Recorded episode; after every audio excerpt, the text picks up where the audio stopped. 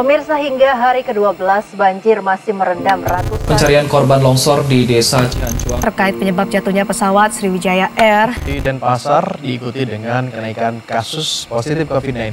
Saya dan istri mempunyai arshop. Kami tutup, tidak ada lagi yang bisa beroperasi pada saat bulan Maret sampai sekarang. memulai bisnis ini karena pandemi. Sebelumnya saya bekerja di bidang properti dan perkapalan. Alih profesi, gimana caranya untuk survive dan bertahan hidup? karena masa pandemi ini bener-bener nyiksa kita semua gitu loh di bagian ekonomi juga. Apalagi kita sebagai mahasiswa yang kita bayar kuliahnya sendiri tentu saja itu sangat berat ya buat kita. Karena emang kita kehilangan pekerjaan awal kita jadinya kita harus cari pekerjaan yang seadanya gitu loh. Kita cukup terpuruk ya dengan adanya pandemi ini terus habis itu pariwisata bener-bener kolaps. Tidak ada sama sekali yang datang walaupun kita bilang kita siap walaupun kita bilang kita ready tapi di luarnya nggak ada yang bisa datang kita juga nggak bisa bilang apa-apa Gelombang bencana dan wabah membara dalam amarah. Kedamaian serasa punah, takluk terkubur dalam ketakutan dan tercabik dalam ketidakpastian. Manusia dipaksa menggadaikan visinya, melepas hasrat dan impian hanya untuk bertahan hidup barang satu hari saja. Doa terpanjat dalam iman yang perlahan runtuh, walau sejatinya pemilik semesta sama sekali gak pernah jauh. Manusia dipaksa berubah sepenuhnya dan seutuhnya. Pola pikir, cara hidup, dan perspektif pun sudah saatnya beradaptasi. Seperti halnya di Pulau Bali dan keajaiban wisatanya yang sudah lama terbukti sakti, kini pun mulai bergeliat, bersiap untuk dunia baru pasca pandemi. Turisme di Indonesia ini kan sengsaranya kan begini Pak. Semua berharap orang masuk menembus batas negara. Di mana itu sudah nggak dimungkinkan lagi. Dunia nyata yang lama mendominasi, kini perlu berpikir migrasi ke dunia maya, hutan digital yang syarat informasi tapi penuh kompetisi. Seperti kata sahabat kami dari Bali kembali, migrasi yang harus terjadi bukan semata-mata perpindahan lokasi, tapi sinergi dan strategi yang syarat dengan upaya pengembangan diri dan semangat kolaborasi. kreativitasnya harus diangkat terus semangatnya sih menurut saya sih. Jangan sampai patah semangat kita. Begitu kita nggak punya semangat otomatis udah kita mati.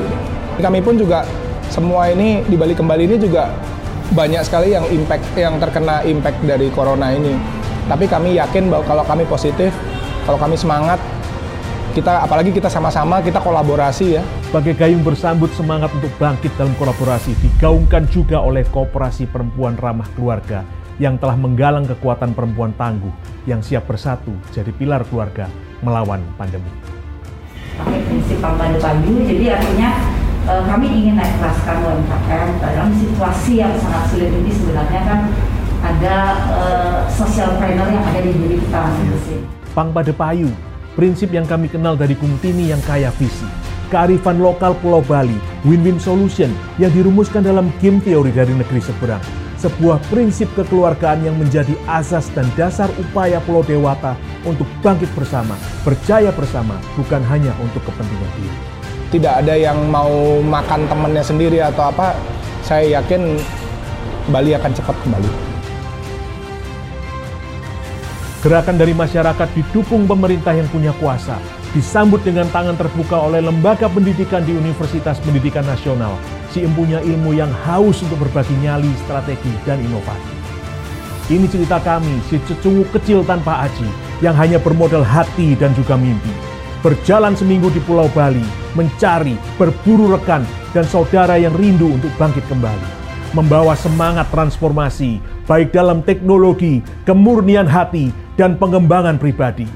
Ini saatnya kita rebut kembali impianmu, saatnya kita berjuang sekali lagi untuk visi sambil bertahan dari hari ke hari. Eh, Kalau misalnya pandemi ini sudah selesai ya mau beralih ke profesi pertama lagi properti dan perkapalan. Uh, Yang jelas uh, kita bisa untuk makan sehari-hari itu yang paling penting untuk bisa bertahan hidup. di masa pandemi ini saya harap pastinya pandemi segera selesai dan kita semua bisa menjalani kehidupan seperti kehidupan kita sebelumnya semuanya ekonomi normal pendidikan normal dan Bali menjadi lebih baik dari sebelumnya lagi Ini usaha kami yang memilih untuk beraksi daripada berdiam diri.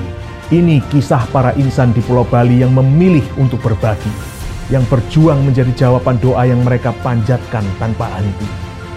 jadi alat sang kalik, jadi berkat untuk negeri, berawal dari Pulau Bali. Ini kisah kami, ini semangat kami, menunggumu untuk berbagi, menunggumu untuk bersama bangkit kembali.